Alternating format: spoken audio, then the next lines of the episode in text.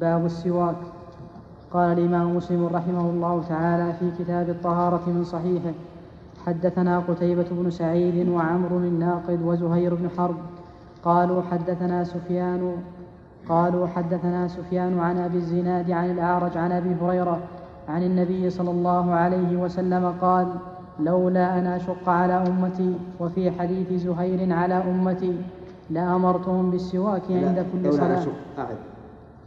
عن النبي صلى الله عليه وسلم قال لولا أن أشق على أمتي لا على المؤمنين. لولا أن أشق على المؤمنين وفي حديث زهير على أمتي لأمرتهم بالسواك عند كل صلاة. حدثنا أبو كريب نعم محمد بن العلاء هذه الأحاديث في السواك والسواك يطلق على معنيين المعنى الأول عود الأراك. والمعنى الثاني التسوك. الذي هو الفعل. والقرينة والسياق هو الذي يبين المراد. وهكذا كل كلمة تحتمل معنيين. فإن كانت تحتملهما بدون منافاة فهي على المعنيين. وإن كان أحدهما ينافي الآخر طلب المرجح وإذا كان السياق يعين أحد المعنيين عمل به. فإذا قيل نظف سواكا فالمراد بالسواك هنا عود الأراك وإذا قيل أحسن سواكك فالمراد التسوي الذي هو الفعل. السواك ذكر فيه النبي صلى الله عليه وسلم فائدتين عظيمتين. فقال السواك مطهرة للفم مرضاة للرب. وهاتان فائدتان عظيمتان. ينبغي للإنسان أن ينتهز الفرصة في إدراكهما بكثرة التسوق. لكن هناك مواضع يتأكد فيها السواك أكثر.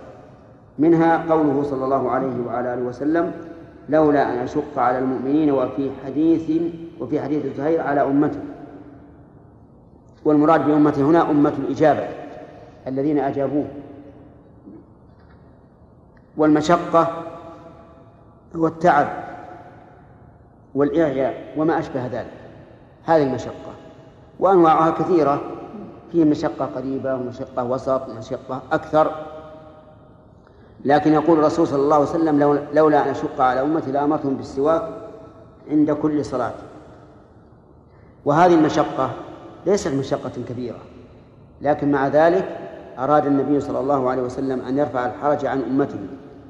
وقوله عند كل صلاة يشمل الفريضة والنافلة وصلاة الجنازة وصلاة الكسوف وكل ما يسمى صلاة.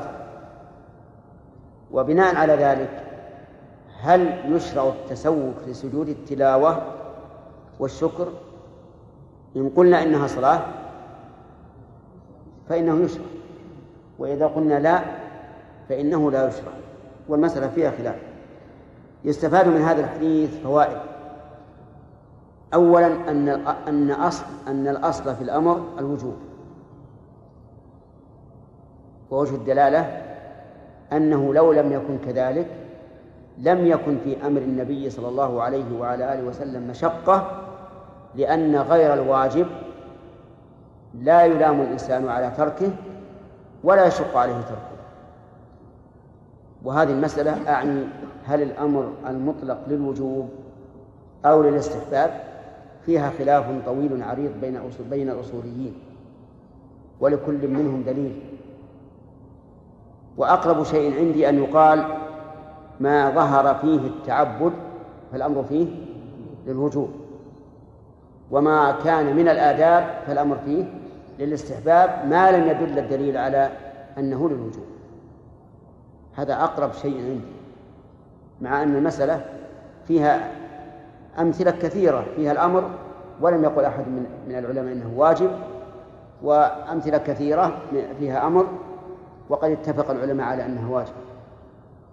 لكن أقرب شيء عندي أن يقال الأصل في الأمر الوجوب فيما سبيله التعبد والأصل في الأمر الاستحباب فيما سبيله الآداء والتوجيه وما أشبه ذلك.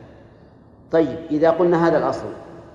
ثم ورد ما ما يدل على خلاف الأصل في المسألة الأولى. صار الأمر إيش؟ للاستحباب. وما يدل على الوجوب في الثانية صار الأمر للوجوب. فمثلا الأكل باليمين من الآداب. وقد أمر النبي صلى الله عليه وسلم بل قد نهى أن أمر ونهى أمر بالأكل باليمين فقال لعمر بن أبي سلمة يا غلام سم الله وكل بيمين وكل مما يليك. وورد النهي عن الأكل بالشمال فقال لا يأكل أحدكم بشماله ولا يشرب بشماله. هذا من الآداب. فعلى قاعدتنا نقول الأصل فيه الاستحباب. لكن ورد ما يدل على التحريم على وجوب الأكل باليمين وتحريم الأكل بالشمال. فما هو؟ قول النبي صلى الله عليه وعلى آله وسلم إن الشيطان يأكل بشماله ويشرب بشماله. والشيطان أكبر الكافرين. وقد قال النبي عليه الصلاة والسلام في من تشبه بالكفار من تشبه بقوم فهو منهم. فمن تشبه بالشيطان فهو من الشياطين. وهذا يدل على إيش؟ على أن النهي عن الأكل بالشمال على إيش؟ التحريم. والأمر على الوجوب. وأما في العبادات فنقول الأصل في الأمر الوجوب إلا إذا قام دليل على أنه لغير الوجوب فيعمل به. فمثلا قال النبي صلى الله عليه وعلى آله وسلم إذا سمعتم المؤذن فقولوا مثل ما يقول المؤذن. هذا أمر. وهو عبادة ولا ولا ولا آداب؟ عبادة. الأصل في هذا أنه للوجوب. الأصل في هذا أنه للوجوب. لكن دل الدليل على أنه ليس للوجوب وذلك حينما علم النبي صلى الله عليه وعلى آله وسلم مالك بن حويرث ومن معه قال إذا حضرت الصلاة فليؤذن لكم أحدكم وليؤمكم أكبركم. أو قال أكثركم قرآنا ولم يقل ولتقولوا مثله. مع أن المقام مقام بيان. وهؤلاء الوفد ربما لا يحضرون إلى المدينة بعد ذلك. فلو كانت إجابة المؤذن واجبة لبينها الرسول صلى الله عليه وسلم لدعاء الحاجة إلى بيان ذلك. ويستفاد من هذا الحديث حديث لولا أن أشق على أمتي أن للنبي صلى الله عليه وسلم أن يستقل بالأمر والنهي. وجهه لولا أن أشق على أمتي لا أمرت فبين أن الأمر موكول إليه. وهذا هو الصحيح. أن للنبي صلى الله عليه وسلم أن يستقل بالأمر لأنه رسول الله. فإذا قال قائل إذا استقل بالأمر فهل نقول هذا وحي؟ أو نقول هذا إقرار من الله؟ وإقرار الله عليه يقتضي أن يكون من شريعته. الثاني الثاني هو المتعين. أن للنبي صلى الله عليه وسلم أن يأمر وينهى استقلالا ولكن إقرار الله إياه على ذلك يجعل هذا الشيء من شريعة من شريعة الله عز وجل. كما قلنا إن الرسول صلى الله عليه وسلم إذا أقر أحدا على قول أو فعل كان ذلك من من سنته فإن سنة الرسول قوله وفعله وإقراره. ومن فوائد هذا الحديث تأكد السواك عند الصلاة. فإذا قارنا بين هذا وبين ما ورد من تأكيد السواك عند الوضوء عرفنا أن المقصود بذلك هو أن يدخل الإنسان الصلاة وفمه طاهر نظيف. لماذا؟ لأنه سوف يتلو كتاب الله كلام الله عز وجل وسوف يناجي الله مناجاة محاورة. فالمصلي يقول الحمد لله رب العالمين فيقول الله حمدني عبدي إذن ينبغي أن تدخل في صلاتك وأنت طاهر الفم. وهذا وهذه المناسبة واضحة جدا. ولكن ينبغي لنا أن نعرف أنه لا بد من تطهير السواك وتنظيف السواك. تجد بعض الناس يتسوك عند الصلاة ولا بأس لكن متى متى غسل سواكه؟ يمكن له أسابيع أو أشهر وهو يدخل في المخبار وربما يعرق ويصيب المسواك منه. وربما يكون معه منديل يتمخط بها فيتلوث المسواك. ومع ذلك آخر عهد له بهذا المسواك إذا فرغ من التسوق عند الصلاة دخله في هذه المخبات ولا يدري عنه. هذا في الحقيقة لا يحصل به المقصود. المهم أن تنظف السواك. ولهذا لما دخل عبد الرحمن بن أبي بكر على النبي صلى الله عليه وسلم وهو في سياق الموت صلوات الله وسلامه عليه ومد بصره إليه كأنه يريد. فسألته عائشة سألت النبي صلى الله عليه وسلم آخذه لك؟ قال نعم. فأخذته وقضمته وطيبته. يعني جعلته صالحا للتسوق. وقضمته يعني قطعت منه ما لا يصلح أن يتسوك به. حتى طيبته وأعطته النبي صلى الله عليه وسلم. والمهم أنه ينبغي لنا أن نتعاهد سواكنا بالتنظيف. وأنت إذا تسوقت في حال في حال الوضوء تحصل به النظافة أو لا؟ لأنك ستتسوق عند المضمضة عند غسل الفم بالماء فيحصل فيحصل بذلك التنظيف. نعم.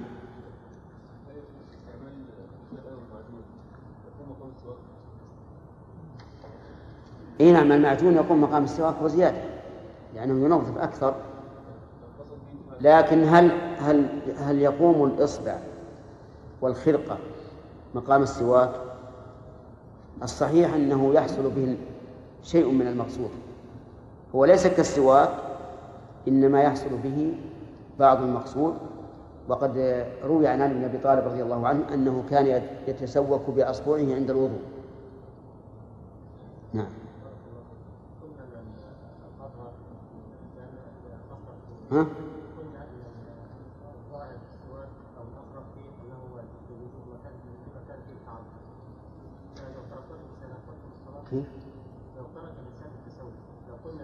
أنا قلت هذا يا جماعة لا شيخنا إذا كان أقرب أنه مكان لكن هل أنا قلت يا جماعة أن السواك واجب؟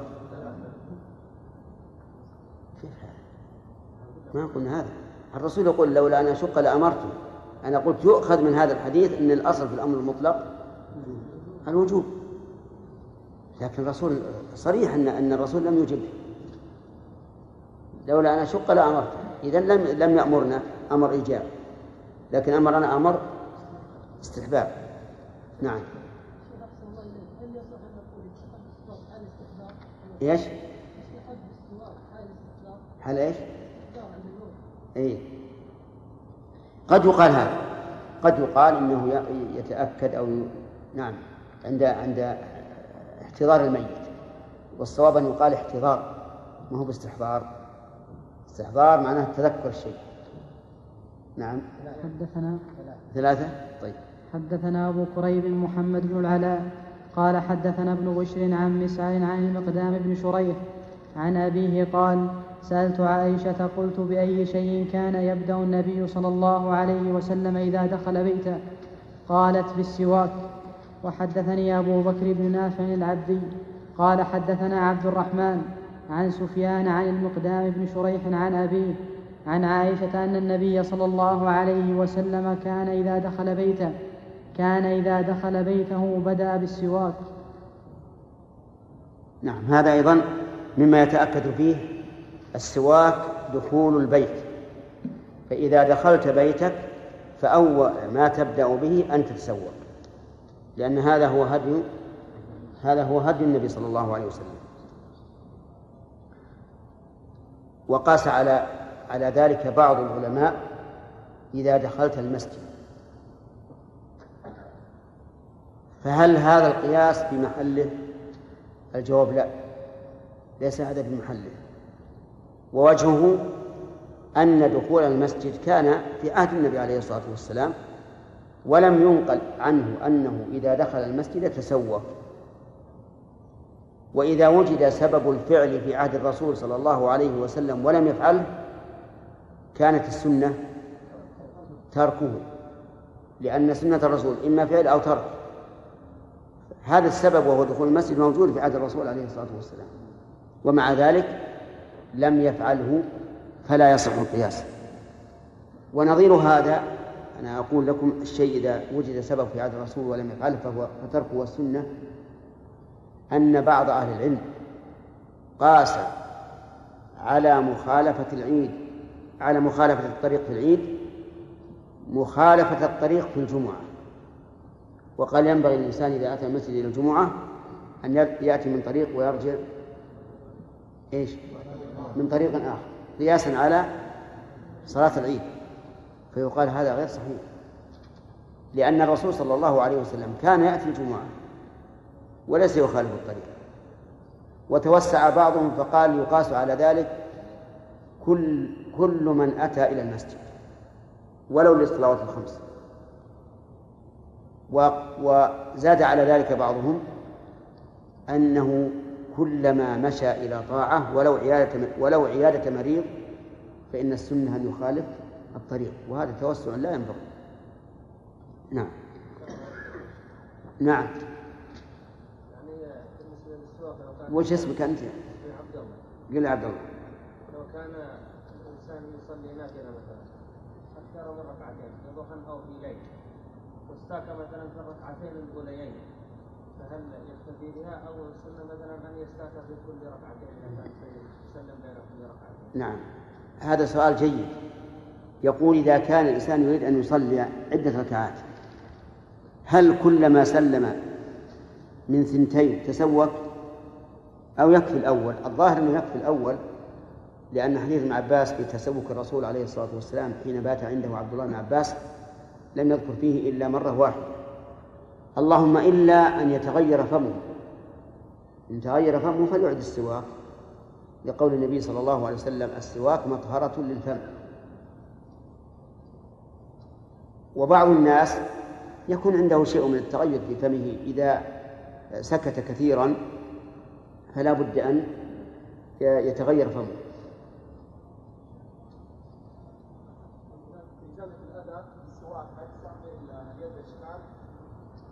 نعم. أي نعم.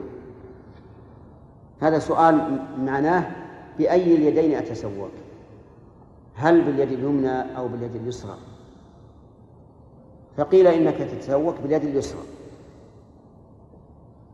لأن السواك مطهرة والتطهير يكون باليسرى بدليل أن الرسول صلى الله عليه وسلم كان يستجمل بيسراه ويستنجي بيسراه فالأولى أن تسوق باليسرى. وقال بعضهم الأولى أن تتسوق باليمنى لأن النبي صلى الله عليه وسلم كان يعجبه التيامن في كل شأن. وفصل بعضهم فقال إن تسوك إن تسوك تطهيرا للفم فباليسرى. وإن تسوك فعلا للسنة فباليمنى. وهذا التفصيل لا بأس به لكننا لا نجزم به لأن المسألة ما فيها سنة معينة إنما هو استحسان. والأمر في هذا واسع سواء باليمين أو باليسار. ولكن بأي الشقين تبدأ في الفم؟ بالأيمن هذا هو الذي يدخل في قول عائشة وفي شأنه كله. وهل تستاك طولا أو عرضا؟ إن قلت عرضا أخطأت وإن قلت طولا أخطأت. إيش التفصيل؟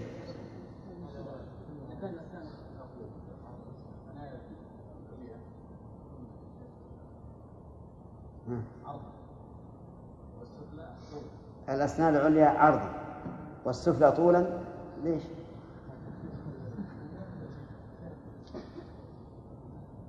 هو هو في الواقع طولا بالنسبة للفم وعرضا بالنسبة للأسنان. فلا بد من هذا التفصيل. عرضا بالنسبة للأسنان وطولا بالنسبة للفم.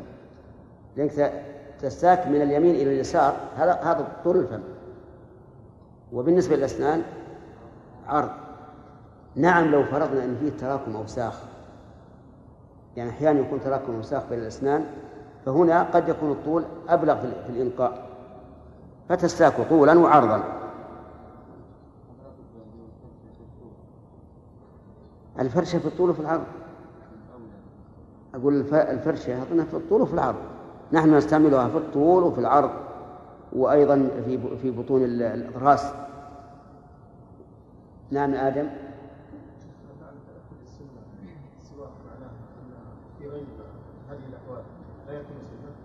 لا السنة غير مؤكدة. يعني مثل النفل المطلق والراتب. هنا حدثنا يحيى بن حبيب الحارثي قال حدثنا حماد بن زيد عن غيلان وهو ابن جرير المعولي عن أبي بردة عن أبي موسى قال دخلت على النبي صلى الله عليه وسلم. وطرف السواك على لسانه. حدثنا أبو بكر بن أبي شيبة قال حدثنا هشيم عن حسين عن أبي وائل عن حذيفة قال كان رسول الله صلى الله عليه وسلم إذا قام ليتهجد يشوص فاه بالسواك. حدثنا إسحاق بن إبراهيم قال أخبرنا جرير عن منصور حا وحدثنا ابن نمير قال حدثنا أبي قال حدثنا أبي وأبو معاوية عن الأعمش كلاهما عن أبي وائل عن حذيفة قال كان رسول الله صلى الله عليه وسلم إذا قام من الليل بمثله ولم يقولوا ليتهجد. حدثنا محمد بن المثنى وابن بشار. آه، في حديث أبي موسى قال دخلت على النبي صلى الله عليه وعلى آله وسلم وطرف السواك على لسانه. فيه بيان موضع التسوق. هل هو الأسنان فقط أو الأسنان واللسان؟ نقول هو الأسنان واللسان وكذلك اللثة تبعا للأسنان فيكون موضع التسوق ثلاثة اللثة والأسنان ومنها الأضراس والثالث اللسان. لكن قال العلماء لا ينبغي أن يدرك دلكا قويا بالنسبة للسان وذلك لأن اللسان مثل الإسفنجة. فإذا دلكه دلكا قويا فربما يتجرع أو تضعف هذه هذه الإسفنجة ويتأثر. أما الأسنان فلا بأس أن يدلكها دلكا قويا حسب ال... ولهذا قال كان إذا قام يتهجد يشوص فاه بالسواك. يشوص بمعنى يدلك فاه بالسواك. نعم.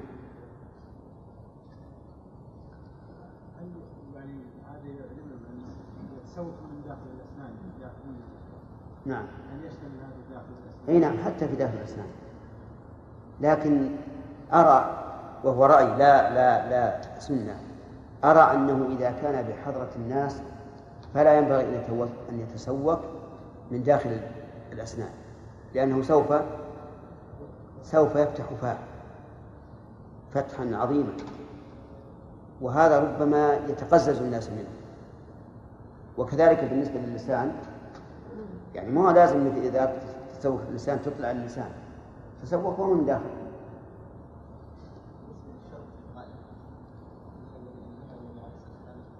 وين الشق وين الشق وين؟ عندك في شق قائم عندنا نعم. خلى بعدين. تعديناها نعم محمد هل يكره للصائم إيش؟ هل يكره السواك للصائم أم أنه لا فرق بين الصائم وغيره؟ إي نعم هذا أيضا من الأسئلة المهمة هل السواك في كل وقت؟ نقول نعم في كل وقت للصائم والمفطر فإذا قال قائل إنه يكره للصائم بعد الزوال قلنا ما الدليل؟ وإذا قلنا باستحباب السواك للصائم بعد الزوال وطالبنا بالدليل نقول له الدليل عدم الدليل. أين الدليل من رسول الله عليه الصلاة والسلام؟ أنه قال السواك مطهرة للفم مرضاة للرب إلا للصائم بعد الزواج وفي حديث عامر بن ربيعة الذي أخرجه البخاري تعليقا قال رأيت النبي صلى الله عليه وعلى آله وسلم ما لا أحصي يتسوق وهو صائم. فالصواب أنه لا يكره. وأما من كرهه مستدلا بقوله صلى الله عليه وسلم خلوف فم الصائم أطيب عند الله من ريح المسك. وقال إنه إذا تسوق زال الخلوف لأن الخلوف تغير رائحة الفم من أجل خلو المعدة من الطعام. فيقال هذا لا لا يدل على على كراهة السواك. لأن حديث السواك أعم من هذا. ولكن الرسول ذكر ذلك للترغيب في الصوم وبيان أن هذه الرائحة التي تكون مكروهة في مشام الناس ليست مكروهة عند الله عز وجل.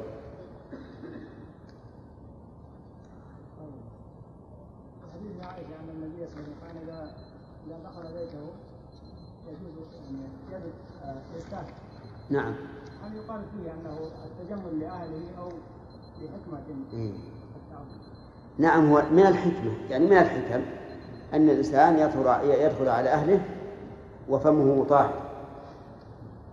لأنه ربما يتكلم معهم وإن كانت زوجته فربما يقبلها مثلا فكان دخوله على وجه الطهارة أحسن. نعم. حدثنا محمد بن مثنى وابن بشار قال حدثنا عبد الرحمن قال حدثنا سفيان عن منصور وحسين والأعمش عن أبي وائل عن أبي حذيفة عن عن حذيفة أن رسول الله صلى الله عليه وسلم كان إذا قام من الليل يشوص فاه بالسواك. حدثنا عبد بن طيب إذا الآن هذه الأحاديث في السواك بعد النوم كلها في قيام في, في القيام من نوم الليل. وفي بعضها تقييد إذا قام ليتهجد. وعلى هذه هذه الرواية يكون الحكمة من التسوق هو القيام من النوم وإرادة الصلاة. فهل يقاس على ذلك النوم نوم النهار؟ الجواب قال العلماء إنه يقاس على ذلك. ولكن يرد على هذا القياس ما ذكرناه انفا. أن الرسول صلى الله عليه وسلم كان ينام من النهار ولم ينقل عنه أنه يتسوق لكن أجيبها عن ذلك بأن قيل يتسوق بعد القيام من نوم النهار لأجل تغير رائحة الفم. ويؤخذ هذا من قول الرسول صلى الله عليه وسلم السواك مطهرة للفم. فإذا قام من النوم ولو في النهار فإنه يجد فمه متغيرا. فيحتاج إلى تنظيف وتطهير. نعم. حدثنا عبد بن حميد قال حدثنا أبو نعيم قال حدثنا إسماعيل بن مسلم قال حدثنا أبو المتوكل أن ابن عباس حدثه أنه بات عند النبي صلى الله عليه وسلم ذات ليلة فقام نبي الله صلى الله عليه وسلم من آخر الليل فخرج فنظر في السماء ثم تلا هذه الآية في آل عمران إن في خلق السماوات والأرض واختلاف الليل والنهار حتى بلغ فقنا عذاب النار. ثم رجع إلى البيت فتسوك وتوضأ ثم قام فصلى ثم اضطجع ثم قام فخرج فنظر إلى السماء فتلا هذه الآية ثم رجع فتسوك فتوضأ ثم قام فصلى. فعل ذلك عليه الصلاة والسلام ليجمع بين النظر في آيات الله الكونية والنظر في آيات الله الشرعية. خرج في آخر الليل ولا شك أن آخر الليل ليس كأوله في كل شيء لا في برودة الجو ولا في اختلاف النجوم ولا في غير ذلك. فتلا هذه الآية. إن في خلق السماوات والأرض واختلاف الليل والنهار لآيات لأولي الألباب. ففي إيجاد السماوات والأرض آيات وفي اختلاف الليل والنهار طولا وقصرا وحرارة وبرودة وخوفا وأمنا وشدة ورخاء وعزا وذلا وملكا وخلعا وغير ذلك من أنواع الاختلاف كل ذلك فيه آيات. آيات تدل على عظمة الرب عز وجل وأن له الملك المطلق والتدبير المطلق. قل اللهم مالك الملك تؤتي الملك من تشاء وتنزع الملك ممن تشاء وتعز من تشاء وتذل من تشاء بيدك الخير. من الاختلاف أنك في أيام الشتاء تنام في أدفأ ما يكون. في في في القبو وفي وعليك الأغطية. وفي وفي الصيف تنام في أرفع ما يكون وليس عليك أغطية. هذا من الاختلاف. تقول كيف سبحان الله قبل ستة أشهر وأنا لا أستطيع أن أصعد إلى السطح في مثل هذه الساعة والآن لا أستريح في النوم إلا إذا كنت في هذا السطح. هذا من اختلاف الليل والنهار الذي فيه آيات لأولي الألباب ذوي العقول. الذين يذكرون الله قياما وقعودا وعلى جنوبهم. وهذه أحوال الإنسان. إما قائم أو قاعد إيش؟ أو على جنب. وعلى هذا يعني وعلى هذا يكون هؤلاء الألبة يذكرون الله على كل حال. ومع ذكرهم يتفكرون في خلق السماوات والأرض. ربنا ما خلقت هذا باطلا. نعم ما خلق الله هذا باطلا سماوات أرض نجوم شمس بشر رسل جهاد إلى غير ذلك. هل هذا باطل؟ هل خلق الله باطلا؟ كلا. لو كان باطلا لكان عبثا. ولانتفت حكمة الله عز وجل. وقد قال الله تعالى وما خلقنا السماوات والأرض وما بينهما لاعبين. ما خلقناهما إلا بالحق. سبحانك أي تنزيها لك أن تخلقها باطلا. فقنا عذاب النار. ألف هذه للسببية. وعلى هذا فيكون ما سبق من وصف الله تعالى بذلك من باب التوسل والتوسل إلى الله تعالى بأفعاله وربوبيته من أسباب إجابة الدعاء. فقنا عذاب النار. ربنا إنك من تدخل النار فقد أخزيته وما للظالمين من أنصار. وصدقوا. من أدخله النار فقد من أدخله الله النار فقد أذله وخذله ولن يجد ناصرا. ولهذا قال وما للظالمين من أنصار. إشارة إلى أن من أدخله الله النار فإن الله لم يظلمه ولكن هو الذي ظلم نفسه. ربنا إننا سمعنا مناديا ينادي للإيمان أن آمنوا بربكم فآمنا. والمنادي هو رسول الله صلى الله عليه وعلى آله وسلم. نادى الأمة إلى يوم القيامة أن آمنوا بربكم فآمنا. ربنا فاغفر لنا ذنوبنا. ألف هذه السببية تدل على أن الإيمان وسيلة للمغفرة والتوسل إلى الله تعالى بالإيمان والعمل الصالح من الأمور المشروعة. نعم. ربنا فاغفر لنا ذنوبنا وكفر عنا سيئاتنا وتوفنا مع الأبرار. ربنا وآتنا ما وعدتنا على رسل نعم. كيف؟ تمام ربنا وآتنا ما وعدتنا على رسل أي على أيديهم. من الثواب الجزيل العاجل والآجل. ولا تخزنا يوم القيامة. كما أخزيت من؟ أصحاب النار. ربنا إنك من تدخل النار فقد أخزيته. إنك لا تخلف الميعاد والثمرة. فاستجاب لهم ربهم. وكان النبي صلى الله عليه وسلم يقرأ كل عشر الآيات. لكن فيها الحديث اللي معنا يقول تلا هذه الآية في آل عمران حتى بلغ فقنا عذاب النار ثم رجع إلى البيت. فتسوك وتوضأ ثم قام فصلى. ثم اضطجع ثم قام فخرج فنظر إلى السماء فتلا هذه الآية ثم رجع فتسوك وتوضأ فتوضأ ثم قام فصلى. فهذا الحديث يدل على أن الرسول صلى الله عليه وسلم يعني فعل هذا عدة مرات. نعم. اللي أخذ أولا ما نعم.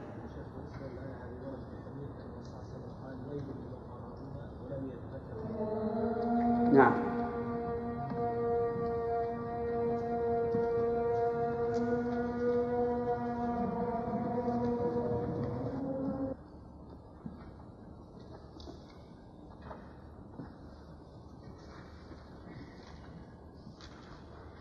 سبق لنا في حديث ابن عباس رضي الله عنهما أن الرسول صلى الله عليه وسلم كان يخرج وينظر إلى السماء ليتفكر فيها فيستفاد منه أن الإنسان أن من السنة أن ينظر الإنسان إلى السماء.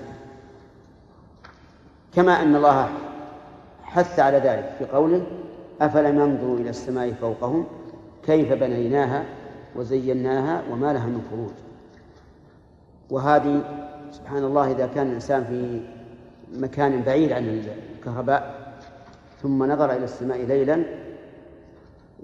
يزداد إيمانا بالله عز وجل. وما فيها من العجائب من الكواكب والنجوم. فهو من من التفكر في خلق السماوات والأرض. بسم الله الرحمن الرحيم. الحمد لله رب العالمين وصلى الله وسلم على نبينا محمد وعلى آله وصحبه أجمعين. قال الإمام مسلم رحمه الله تعالى في كتاب الطهارة حدثنا عبد بن حميد قال حدثنا أبو نعيم قال حدثنا إسماعيل بن مسلم قال حدثنا أبو المتوكل ها؟ كيف؟ باب خصال الفطرة حدثنا أبو بكر بن أبي شيبة وعمر الناقد وزهير بن حرب جميعا عن سفيان قال أبو بكر حدثنا ابن عيينة عن الزهري عن سعيد بن المسيب عن أبي هريرة عن النبي صلى الله عليه وسلم قال الفطرة خمس أو خمس من الفطرة الختان والاستحداد وتقليم الأظفار ونتف الإبط وقص الشارب. بسم الله الرحمن الرحيم. باب خصال الفطرة.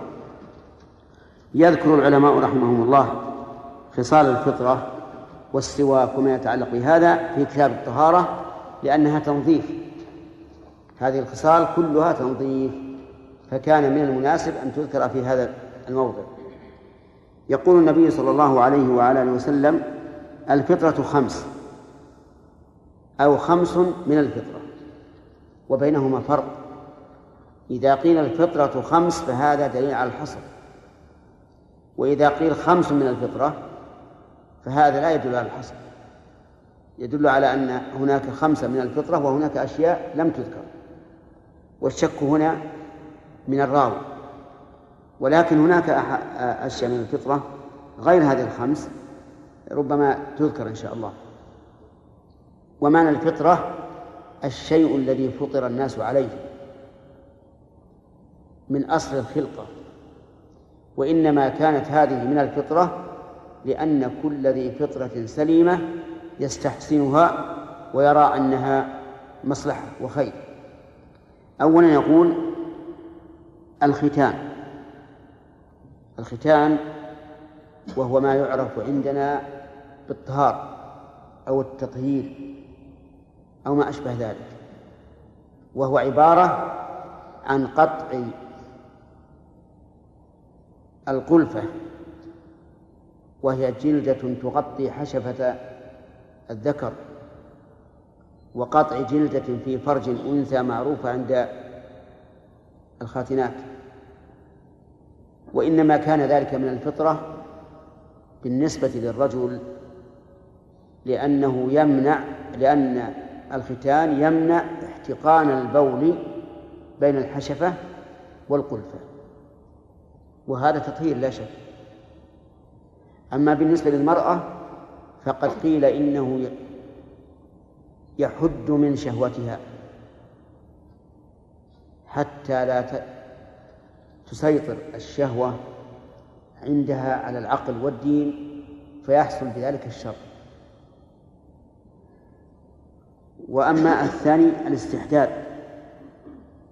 الاستحداد مأخوذ من الحديدة وهو حلق شعر العانة والعانة هي الشعر الخشن الذي ينبت حول القبل من رجل أو امرأة. هذا من الفطرة. لأنه لو أبقي وطال فإنه يتلوث بالبول ولا سيما بالنسبة للمرأة. فتحصل بذلك النجاسة وذكروا أيضا أن من فوائد الاستحداد أنه يقوي المثانة التي هي مجمع البول. ولهذا جاء الحديث بالاستحداد وفي وفي الإبط بالنتف. لأن النتف يضعف أصول الشعر وهذا بالعكس يقويه وتقليم الأظفار. تقليم الأظفار يعني قصها بالقلامة. والقلامة هي عبارة عن سكين صغيرة تصلح بها الأقلام. وكانت معروفة بالأول. كنا بالأول نأخذ عيدان العصفر ثم نبراها بهذه المقلمة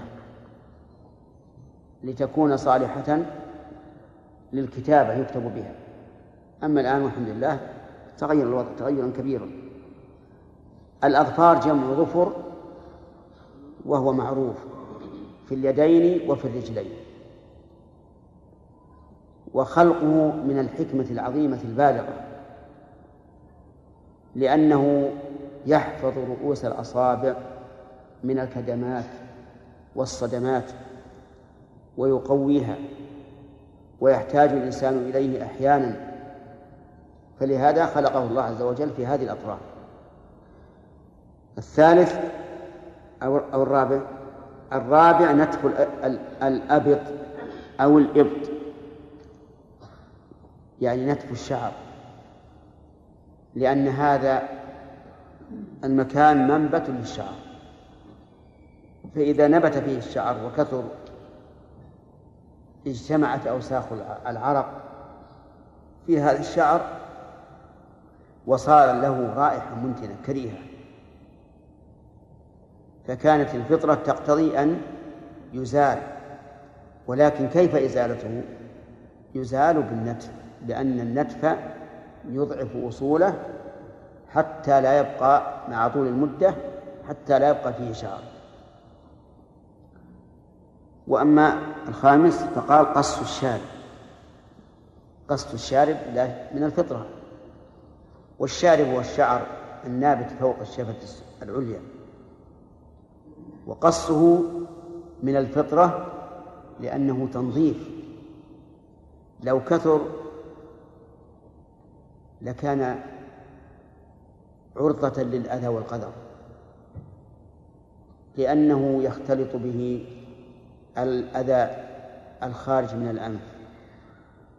ثم إذا كان كثيرا تدلى في كأس الشراب وما أشبه ذلك وصار منظرا بشعا مكروها فكان من الفطرة أن يقص.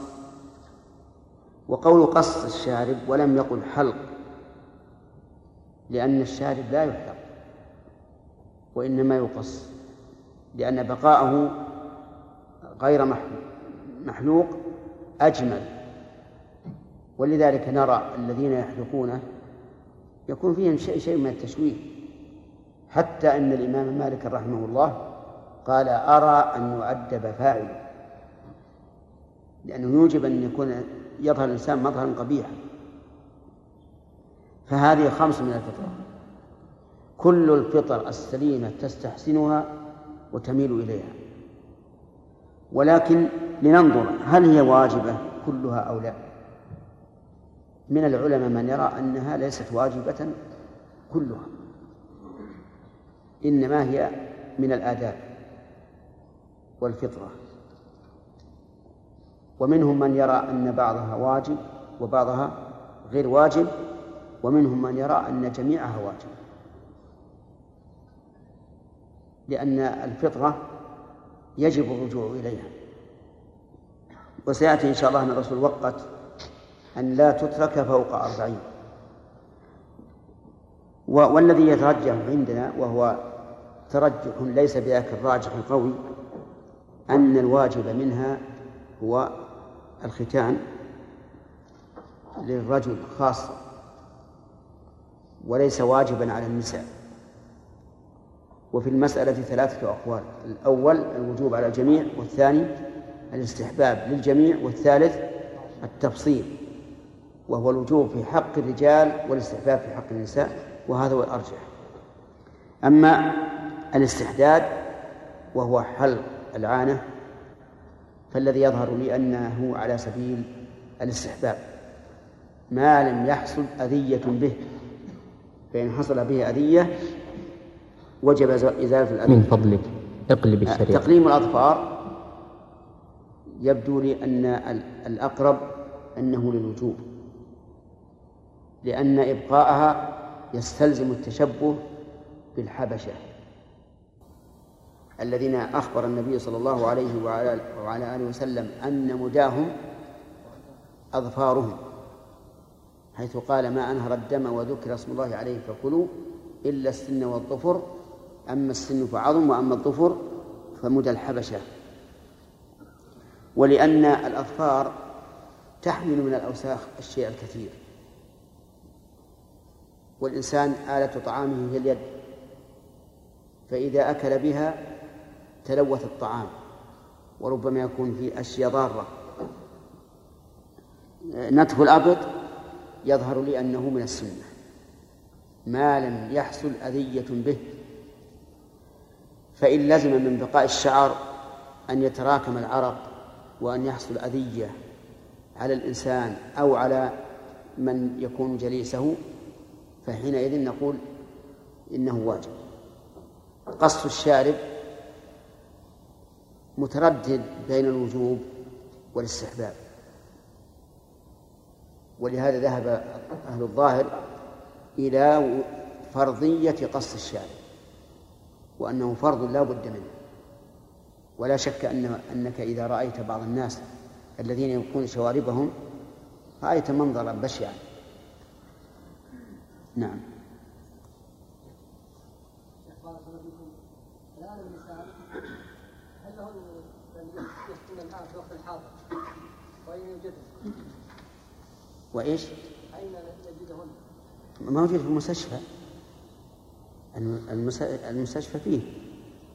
من يعرف الختان للنساء يا شيخ. اي للنساء. نعم. نعم. اي نعم. قص الشارب بعضهم قال يقص حتى تبين الشفة طرف الشفة هذا. والظاهر المهم أن لا يحلقه. ويقص قصا يتبين فيه. بالنسبة الطبية تقوم مقام النتف في الابط؟ أي. ماذا ترون؟ لأن صحيح ظهر الآن آه، مركبات طبية تكفي عن النتف. يسمونها أظن الحلاوة؟ مزيل الشعر الحلاوة الثانية بعد؟ إيه طيب. على كل حال مزيل الشعر هل يستغنى به؟ أما من أما في الأبط فلا شك أنه يستغنى به. لأن مقصود الشارع من كونه من كون المشروع هو النتف. أن يتضاءل هذا هذا الشعر أو يزول. وهذا المزيل لا بد أن يؤثر على أصول الشعر. وأما بالنسبة للعانة فلا نرى هذا. نرى أن أحسن ما يكون في العانة الاستحداث. لأنه يقوي أصول الشعر ويقي ويقي المثانة ويحميها. نعم. آه، بقينا بقية الشعور. هل من الفطرة إزالتها أو من أو من الفطرة إبقاؤها؟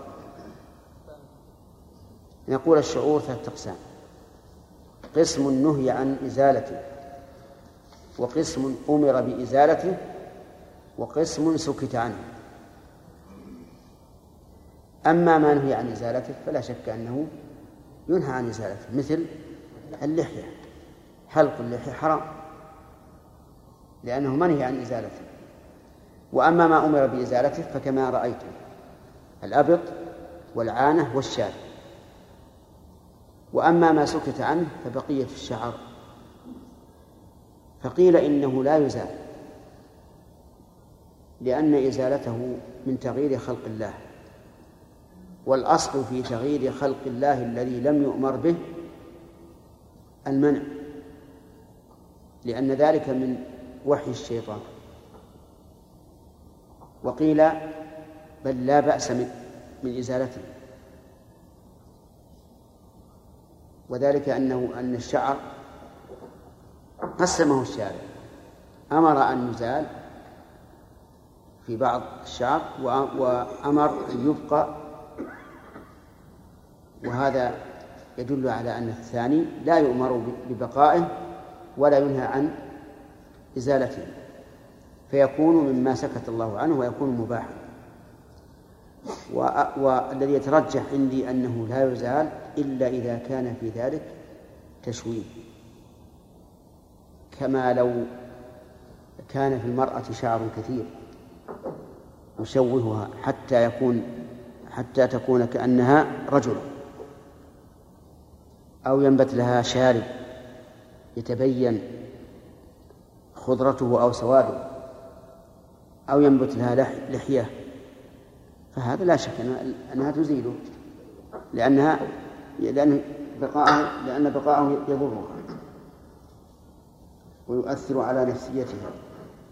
ثم هو يشبه إزالة العيوب. وإزالة العيوب لا بأس بها. يعني مثلا لو نبت في الإنسان أصبع زائدة فله أن يزيله لأن لأن وجودها عيب. كل إنسان يرى هذه اليد التي فيها الأصبع الزائدة سوف يكرر النظر فيخجل. صاحبها. وكذلك بقية العيوب مثل أن ينبت في خده ثالون. تعرفون الثالون؟ ها؟ هذا لا شك أنه يقبح الوجه فهو إزالة عيب وإزالة العيوب لا بأس بها. نعم. أخذنا ثلاثة. حدثني أبو الطاهر وحرملة بن يحيى قال أخبرنا ابن وهب قال أخبرني يونس عن ابن شهاب عن سعيد بن المسيب عن أبي هريرة عن, عن رسول الله صلى الله عليه وسلم قال أنه قال الفطرة خمس الاختتان والاستحداد وقص الشارب وتقليم الأظفار ونتف الإبط. حدثنا يحيى بن يحيى وقتيبة بن سعيد كلاهما عن جعفر. قال يحيى أخبرنا جعفر بن سليمان عن أبي عمران الجوني عن أنس بن مالك قال قال أنس وقت لنا في قص الشارب وتقليم الأظفار ونتف الإبط وحلق العانة ألا نترك أكثر من أربعين ليلة. هذا فيه توقيت آه هذه الأمور الأربعة. أولا قص الشارب. لا يترك فوق أربعين ليلة. والثاني الثاني تقليم الأظفار. لا يترك فوق أربعين ليلة. سواء كان ممن هو سريع النمو في شعره وأظفاره أو لا. والثالث نتف الأبط والرابع حلق العانة. لا تترك فوق أربعين يوما ولا فرق بين الأظافر ظفر الإبهام أو الخنصر. ومن العجب أن بعض الناس ولا سيما النساء تبقي آه، ظفر أحد الأصابع. أظنه الخنصر يبقى. وهذا لا شك أنه تقليد لغير المسلمين. لأن المسلمين كلهم متفقون على الفطرة التي فطر الله الخلق عليها وهو إزالة الأظفار. طيب فإن طال فإن طال الشعر شعر الشارب أو طال الظفر قبل الأربعين فإنه يزال. لأن هذا التوقيت توقيت الأكثر لا توقيت الأقل. ولهذا استحب بعض العلماء أن يقص شاربه كل يوم جمعة. لأن النبي صلى الله عليه وسلم إنما حدد إيش؟ الأعلى غاية الغاية وإذا أزال الإنسان هذه الأشياء قبل الأربعين فلا بأس. طيب فإن قال قائل كيف أضبط هذا؟ قلنا هذا سؤال وارد لأن الإنسان إذا لم يحدد وقتا فإنه ينسى ويمر عليه أكثر من أربعين يوما. فهل له أن يحدد جمعة معينة مثلا لإزالة هذه الأشياء؟ مثل أن يقول أزيلها في أول جمعة من الشهر أو في الجمعة الثانية أو الثالثة أو الرابعة. نقول لا حرج في ذلك بشرط أن لا أن لا يتعبد لله بهذا وأن يجعل قص وأن يجعل هذا التوقيت من أجل أن لا تفوت المدة التي حددها النبي صلى الله عليه وعلى آله وسلم. أصبر يا عبد الله. إيش؟ إيه؟ ما تقولون فيه؟ بعض الناس قد ينبت حول دبره شعر فأرى أن إزالته مهمة جدا. قد تكون أشد من إزالة الشارب لأن هذا الشعر يعلق به شيء مما يخرج. فلا بد من إزالته نعم عبد الله. قوله مثلا وقت لنا.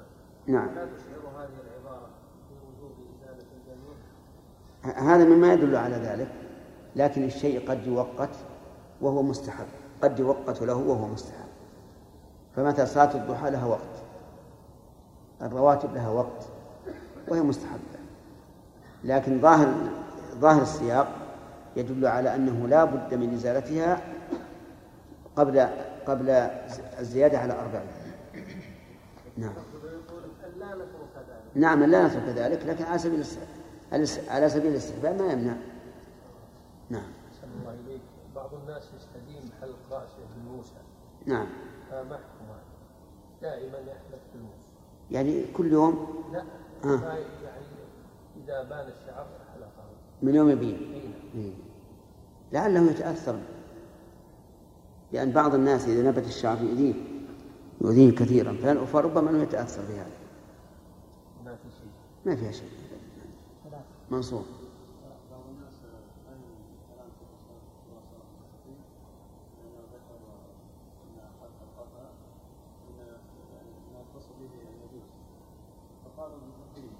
فقال إيش؟ نعم. حلق القفا بدون أن أن يحلق بقية الرأس؟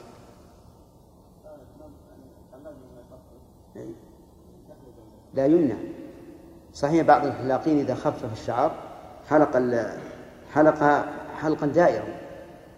دائرا على القفا وغير القفا على القفا وعلى الأذن. هذا يمنع منه. لأن أد- أدنى ما يقال فيه أنه من القزع.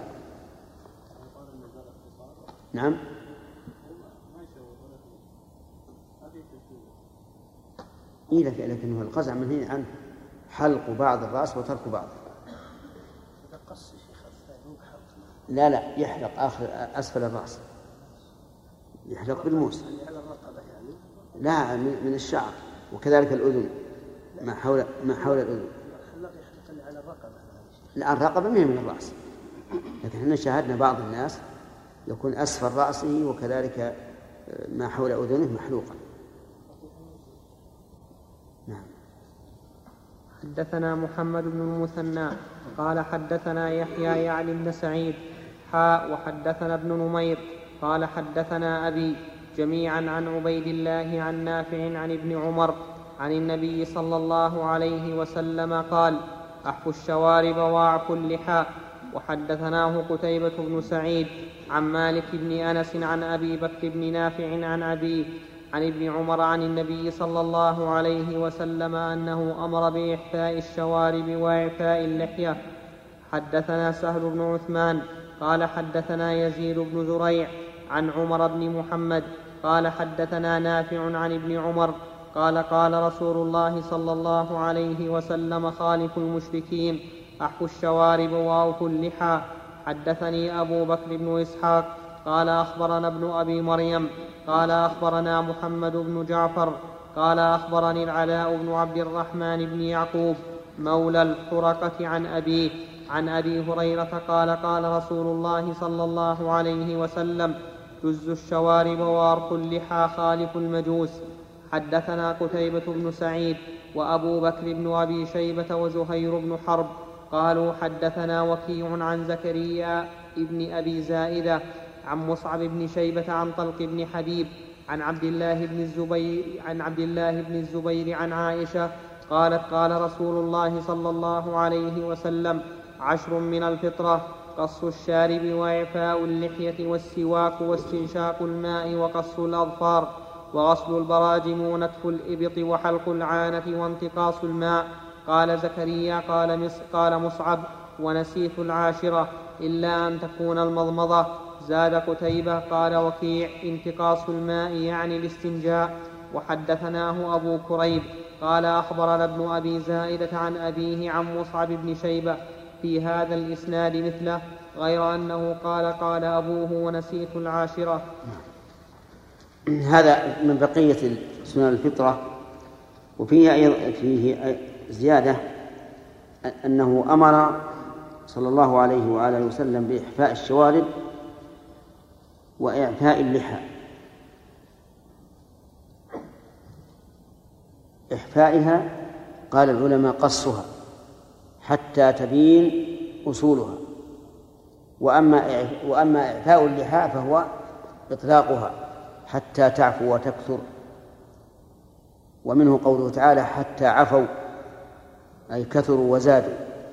وقالوا قد مس آباءنا الضراء والسراء. وفي هذا الحديث دليل على أن مشابهة المشركين من مجوس أو غيرهم واجبة. ويدل مخالفة المشركين من مجوس وغيرهم واجبة. لقوله صلى الله ويؤيد ذلك قوله صلى الله عليه وسلم من تشبه بقوم فهو منهم. أورد بعض الناس الذين فتنوا بحلق اللحى. فقالوا إن المجوس الآن والمشركين يعفون لحاهم. وعلى هذا فتكون مخالفتهم بإيش؟ بحلق اللحى وغدا يحلقون لحاهم فتكون مخالفتهم بإعفاء اللحية. فنكون ألعوبة بأيديهم يلعبون بنا لعب الصبي بالكرة. إذا أرادوا أن نحلق لحانا أعفوا لحاهم. وإن أرادوا أن نعفيها حلقوا. فنقول أولا أن إعفاء اللحية من الفطرة. بقطع النظر عن كونه مخالفة أو غير مخالفة. وكذلك حف الشوارب من الفطرة بقطع النظر عن كونه مخالفة أو غير مخالفة. ثانيا أنهم إذا عادوا إلى الفطرة هم كانوا هم المتشبهين بنا ولسنا المتشبهين بهم. ثالثا أن هذه دعوة كاذبة. انظر الآن إلى القوم الكافرين. تجد أن أكثرهم ويمكن أن يكون تسعة وتسعين, تسعة وتسعين في المئة كلهم حالقوا لحاهم فهذا تمويل وتضليل. ثم إن ظاهر الحديث إعفاء اللحية مهما طالت حتى وإن وصلت إلى الركبة نعم أو إلى الأرض. لكن بعض العلماء استثنى وقال ما لم يستهجن طولها. فإن استهجن طولها بأن زادت زيادة فاحشة بحيث إن الناس يرون هذا وكأنه غريب عن البشر. فلا بأس أن يقص منها ما يزول به الاستهجان. وادعى بعض الناس أن أن أن الحد في ذلك هو القبضة وأن الإنسان إذا قبض على لحيته قص ما زاد على ذلك. والعجيب أن بعض هذا أن, أن هذا القائل قال إن قص ما زاد على القبضة واجب وأنه يحرم على الإنسان أن يطيل لحيته أكثر من القبضة. وهذا شيء نسأل الله تعالى أن يعفو عنه بقوله إياه لأن هذا مصادما للنص تماما أن نقول في أمر أمر به النبي عليه الصلاة والسلام إن فعله حرام. هذا خطير جدا. وابن عمر رضي الله عنهما يعني هو استدل بفعل ابن عمر أنه كان إذا حج قبض على لحيته وقص ما زاد على القبض. ابن عمر إذا فعل ذلك فهل أمر به؟ حتى نقول إنه واجب. أبدا. يعني لو كان هذا الفعل من رسول الله صلى الله عليه صلى الله عليه وآله وسلم لقلنا إن مجرد الفعل لا يدل على الوجوب. ثم إن ابن عمر اجتهد في ذلك. والمجتهد قد يكون مصيبا وقد يكون مخطئا. وإذا نظرنا إلى عموم الأمر بإعفاء اللحية دون استثناء قلنا إن اجتهاد ابن عمر رضي الله عنهما ليس في محله. وأنه من الخطأ المغفور. والعبرة بما بما رواه لا بما رآه.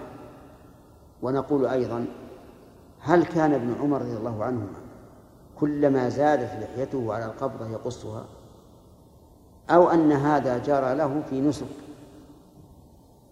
الأول أو الثاني؟ الثاني لا شك. ليس هو رضي الله عنه كلما زاد على القبضة قصة فعل هذا في نسك. والظاهر والله أعلم أن مصدر اجتهاده لما كان يسن للإنسان أن يحلق. رأسه ذلا لله عز وجل وخضوعا له صار أخذ ما زاد على القبضة الذي به جمال الإنسان لأن اللحية فيها جمال الإنسان لا شك. من باب الذل لله عز وجل. هذا الذي يظهر من من فعله والله أعلم من الذي حمله على ذلك. لكنه على كل تقدير فإن العبرة بما رواه أي بقول النبي صلى الله عليه وعلى آله وسلم. لأنه رواه هو وغيره. والله عز وجل يقول في في, في كتاب العزيز ويوم يناديهم فيقول ماذا أجبتم المرسلين؟ ولم يقل ماذا أجبتم فلانا وفلانا؟ فالصواب أن فعل ابن عمر رضي الله عنهما من إيش؟ من الاجتهاد المغفور. أو الخطأ المغفور. وليس من باب السنة لأن السنة في قول النبي صلى الله عليه وسلم أو فعله أو إقراره. فإن قال قائل ابن عمر رضي الله عنهما من أورع الصحابة وأشدهم ورعا ولولا أن عنده علما عن الرسول عليه الصلاة والسلام ما فعله. فيقال إن قدر أن عنده علما فلماذا لم ينشره بقوله؟ ومن ورع ابن عمر لو كان عنده علم بهذا أن يقول هكذا فعل النبي صلى الله عليه وسلم لئلا يكون هناك معارضة لأمر النبي صلى الله عليه وسلم بإعفاء اللحية. فنحن نقول لو كان عند ابن عمر نص في المسألة لكان من ورعه أن أن ينشره ويبينه؟ أما أن يروي عن النبي صلى الله عليه وسلم أنه قال أعفوا اللحى ثم هو لا يعفيها ونقول عنده في ذلك نص؟ لو كان عنده نص لكان أول من يذكر هو. فالصواب التحريم لكن تقييد بعض العلماء ذلك بأن لا يستهجن طولها له حظ من النظر لأنه إذا استهجن طولها حتى صار الإنسان ينظر وكأنه ليس من البشر فهذا له حظ من النظر. طيب وفي قول خالف المشركين خالف المجوس هل هناك تعارض؟ لا لأن المجوس من من المشركين. نعم. سم.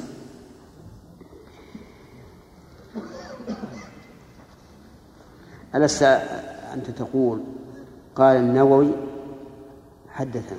قال مسلم. قال نعم مسلم حدثنا. أي إيه. أنت تقوله. الأخوان يقولون لا ال- ال- الأسانيد التي بعد هذا نعم. تقول حدثنا حدثنا وإنما تقول وقال حدثنا. لا ما ما حاجة. لأن هذه كلها معطوفة على ما سبق. نعم. لا أنا ظنيت إنك, إنك ما تقول. طيب يا شيخ الحديث قرأناه الأمس حديث عائشة؟ نعم. بسم الله الرحمن الرحيم. الحمد لله رب العالمين وصلى الله وسلم على نبينا محمد وعلى آله وأصحابه أجمعين. كنا تكلمنا على الفطرة أنها خمس وبينا معنى كل واحدة من هذه الخمس وبقي علينا اللحية. ما هي اللحية؟ هل كل شعر الوجه لحية؟ أو اللحية مجمع اللحيين؟ أو اللحية ما نبت على اللحيين والذقن أو ماذا؟ نقول إذا لم يكن هناك حد شرعي للحية فإنها تحمل على المعنى اللغوي. كل شيء ليس له حد شرعي فإنه يحمل على المعنى اللغوي. وذلك لأن كلام الله ورسوله باللغة العربية. فمتى لم يكن هناك آه، معنى شرعي.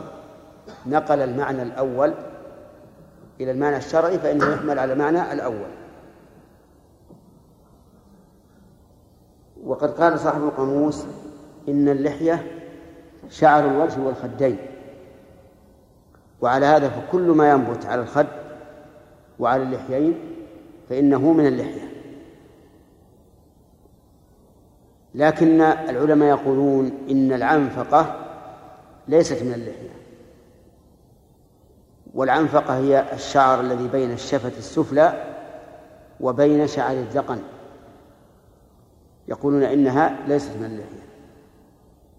وبعض المتأخرين أيضا يقول إن ما كان على الخدين فليس من اللحية. وأما ما كان على اللحيين فيسمى عارضا. وقال هذا العارضين.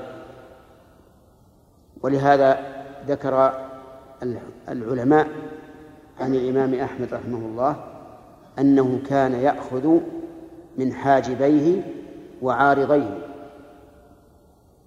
والإمام أحمد رحمه الله من أورع العلماء. فلو كان يرى أن العارضين من اللحية ما أخذ منها. لكن كما ذكرت لكم المسألة ترجع إلى اللغة العربية. إذا لم يكن هناك حقيقة شرعية يرجع إليها فإن نرجع إلى الحقيقة اللغوية. تقليم الأظفار. الأظفار معروفة أظفار اليدين والرجلين. هل يقلمها تقليما يصل إلى حد اللحم؟ أو تقليما يزول به الأذى. نعم. الظاهر الثاني. لا سيما في أيام الشتاء. لأنك إذا قلمتها في أيام الشتاء حتى يصل إلى اللحم فإنها تتفطر مع البرودة وتتأذى منها. والمقصود هو زوال ما به الأذى والوسخ. وهذا حاصل وإن لم تصل إلى إلى اللحم. منها أيضا الختان. لو ولد الإنسان مختونا فهل يلزم أن يختن؟ لا يلزم. لا يلزم أن يختن. وهذا أمر واقع. شاهدناه نحن. تجد الولد يولد وقد برزت حشفة الذكر. وكأنه مختون. فإذا وجد فإذا ولد مختونا فلا حاجة إلى ختانه ولا يمكن أيضا ختانه. طيب فإن ولد بين الختان وعدمه بمعنى أن ثقب الذكر بارز والقلفة متميزة عنه فهل يقطع بقية القلفة؟ الظاهر نعم يقطع.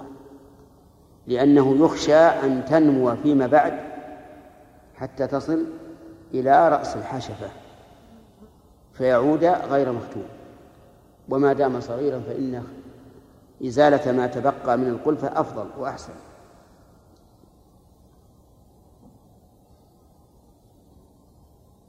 لو أنه ختن ثم عاد عادت القلفة فهل يختن مرة أخرى؟ أو نقول حصل الوجوب سقط الوجوب بالأولى. نعم. الظاهر الأول. الظاهر الأول لأن الحكم يدور مع علة وجودا وعدما. وكما قلنا إنه إذا ولد مختونا فإنه لا يختن. فإذا عادت القلفة بعد الختان فإنها لا بد من إزالتها.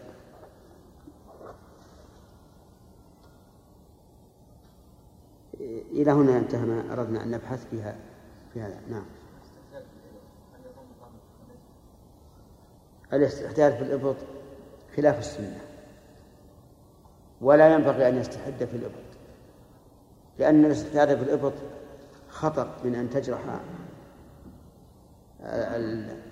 اللحم. ولا يمكنك أن تستحد تماما. ثم إن الاستحداد في الإبط يلزم منه أن تقوى أصول الشعر ويزداد نموا. ولهذا تجد الشعر الذي يحلق يكون كأنه رؤوس الإبر من قوته وصلابته. نعم كمال؟ بعض الأطفال يولدون غير مختونين لكن إذا بعد ثلاث سنوات أو أربع سنوات هكذا من غير من غير شيء طيب. ويقال عندنا نعم اختنته الملائكة هل هذا أصل أصلا؟ لا أبدا مسألة الملائكة لا يجوز أن نقول هكذا لأنه يحتاج إلى علم هذا يقول العوام لكن ها... نعم العوام هوام لا لكن لكن بارك الله فيك ربما يكون إن الجلد ينكشط شيئا فشيئا حتى تبرز الحشفه إيه؟ سبحان الله نعم ها؟ في إيش؟ الحلق. لا هذا ليس ليس من اللحية لا شك فيه. الذي من اللحية ما بين اللحيين. أما ما نزل وهو الذي يكون في الرقبة فليس من اللحية. لا إشكال فيها. نعم. ثلاثة؟ نعم. الدارجة في مسألة الختان من عمل بعض الاحتفالات إيش نعم بعض البلدان يعني كأن هل هذا يجوز أو إيه. هو الأولى تركه لكن التحريم فيه نظر. الأولى تركه لكن التحريم فيه نظر. والفقهاء ذكروا أن من جملة الدعوات المباحة آه، الدعوة, التي تكون في أيام الختان نعم. طيب. الع- الأخيرة. إيه. عشر من الفطرة نقرأه. قص الشارب وت- وس- وسبق.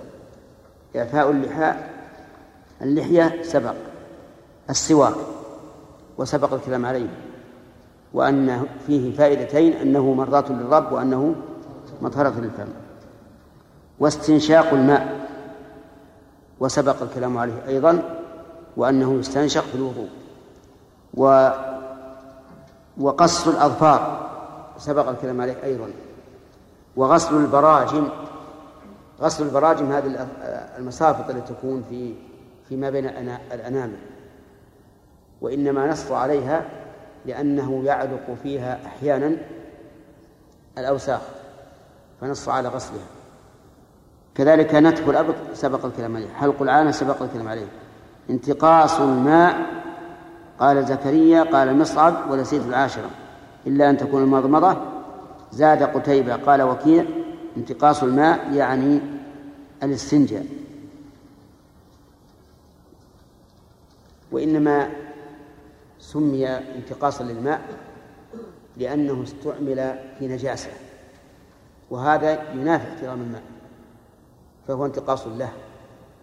يقول ونسيت العاشرة إلا أن تكون المضمضة. ولا بد أن تكون هي المضمضة لأنه إلى جانب إيش؟ الاستنشاق.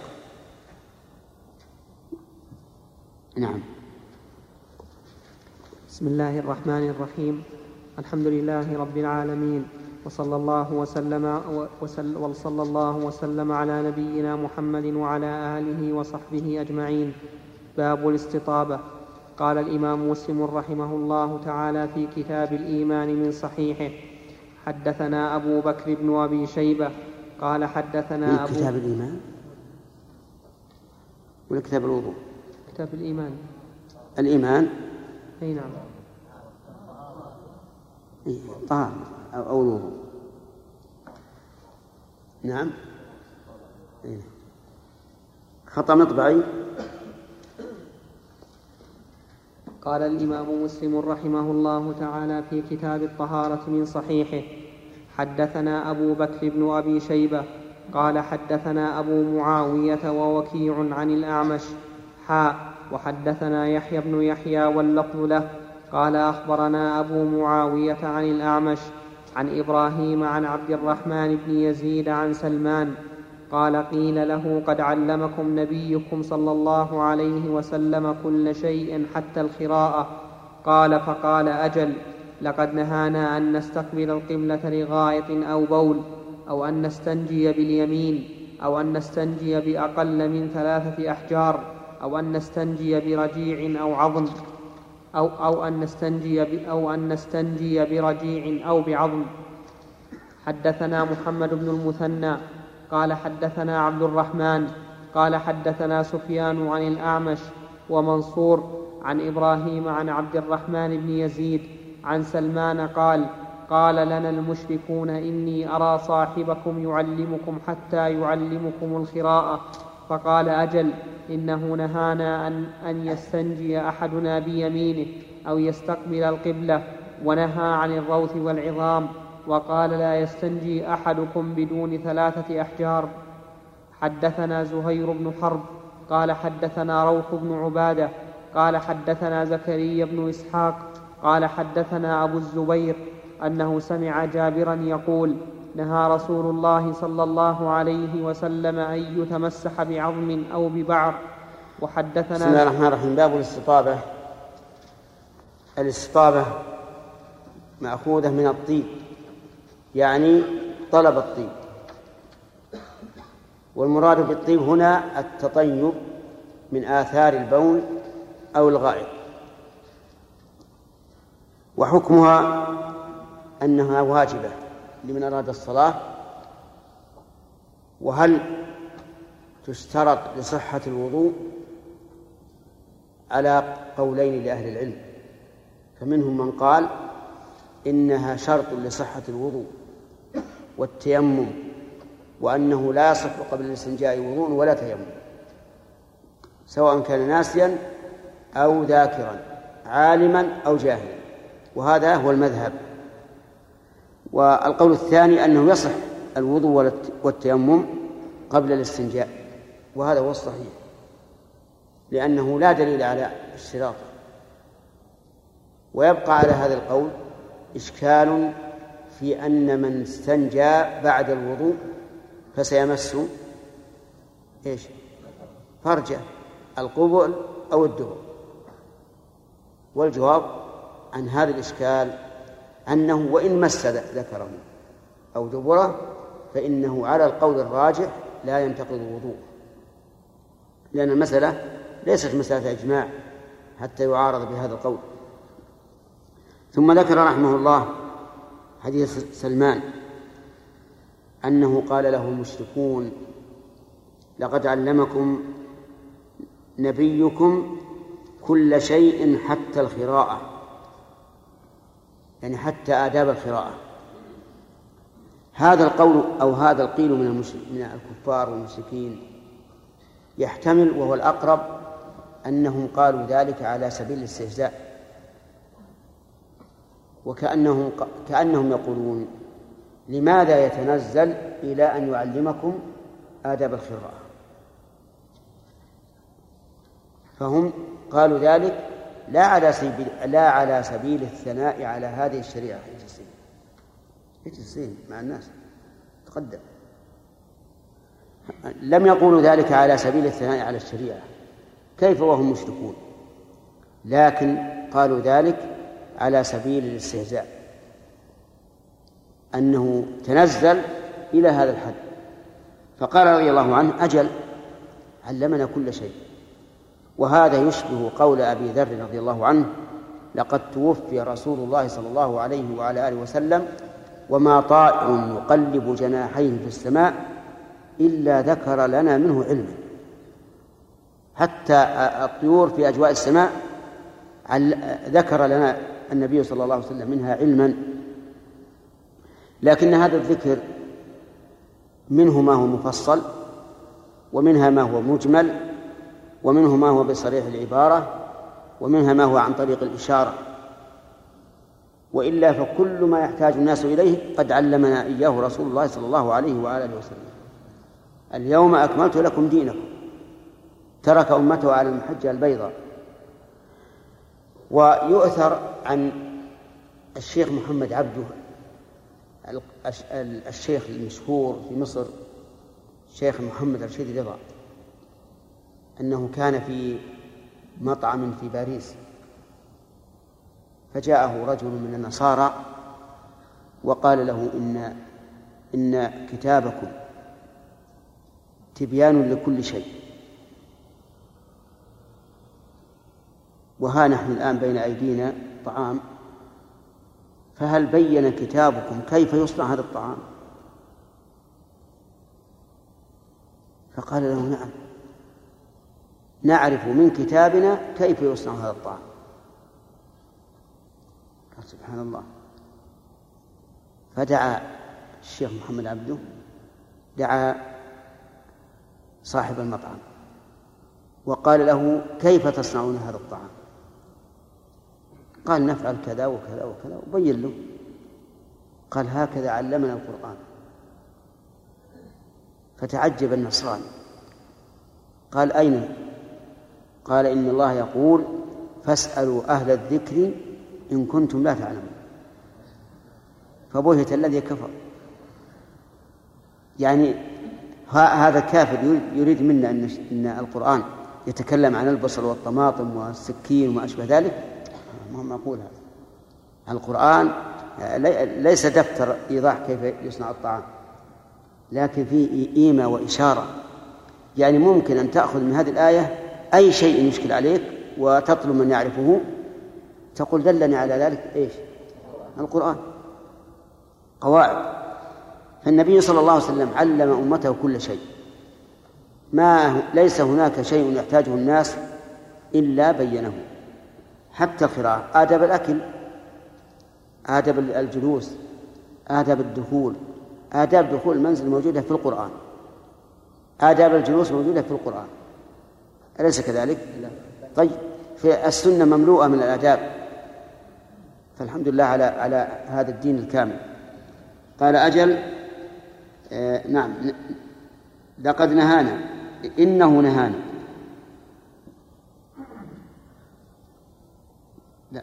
اللفظ الأول. لقد نهانا أن نستقبل القبلة بغائط أو بول. وسبق البحث في هذا على صحيح. البخاري فلا حاجة للتطويل ثانيا قال أو أن نستنجي باليمين.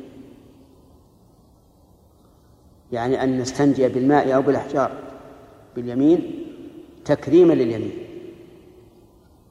ولا يرد على هذا قول عائشة كان النبي صلى الله عليه وعلى آله وسلم يجب التيامن في تطهره أو في طهوره. لماذا؟ لأن اليد اليسرى هي التي تباشر الأذى. ولهذا ذكر الفقهاء على هذا قاعدة. قالوا تقدم اليسرى للأذى واليمنى لما سواه. وقال أو أن نستنجي بأقل من ثلاثة أحجار وسبق الكلام عليه أيضا. أو أن نستنجي برجيع أو عظم. الرجيع هو الروث أرواث البهائم والعظام معروفة. وسبب ذلك أن الرسول نهى عن هذا لأنه لما وفد إليه الجن وآمنوا به أعطاهم النبي صلى الله عليه وسلم نزلا يعني ضيافة. قال كل بعرة فهي علف لدوابكم كل عظم تجدونه أوفر ما يكون لحما. يأكلونه. وهذا أيضا من أخبار الغيب. فلا يرد علينا أننا نرى عظامنا العظام التي نرميها نراها وهي ليس فيها لحم. أليس كذلك؟ والبعر أيضا نراه باقيا لا يؤكل. فيقال هذا من علم الغيب. نؤمن بذلك وإن كنا لا نراه طيب العظم قال النبي عليه الصلاة والسلام لكم كل عظم ذكر اسم الله عليه. إذا كان لم يذكر اسم الله عليه بأن كان عظم ميتة أو عظم غير مذكاة ذكر شرعية فهل يجوز أن نستنجي به؟ نقول لا لأنه نجس والنجس لا يجوز الاستنجاء به.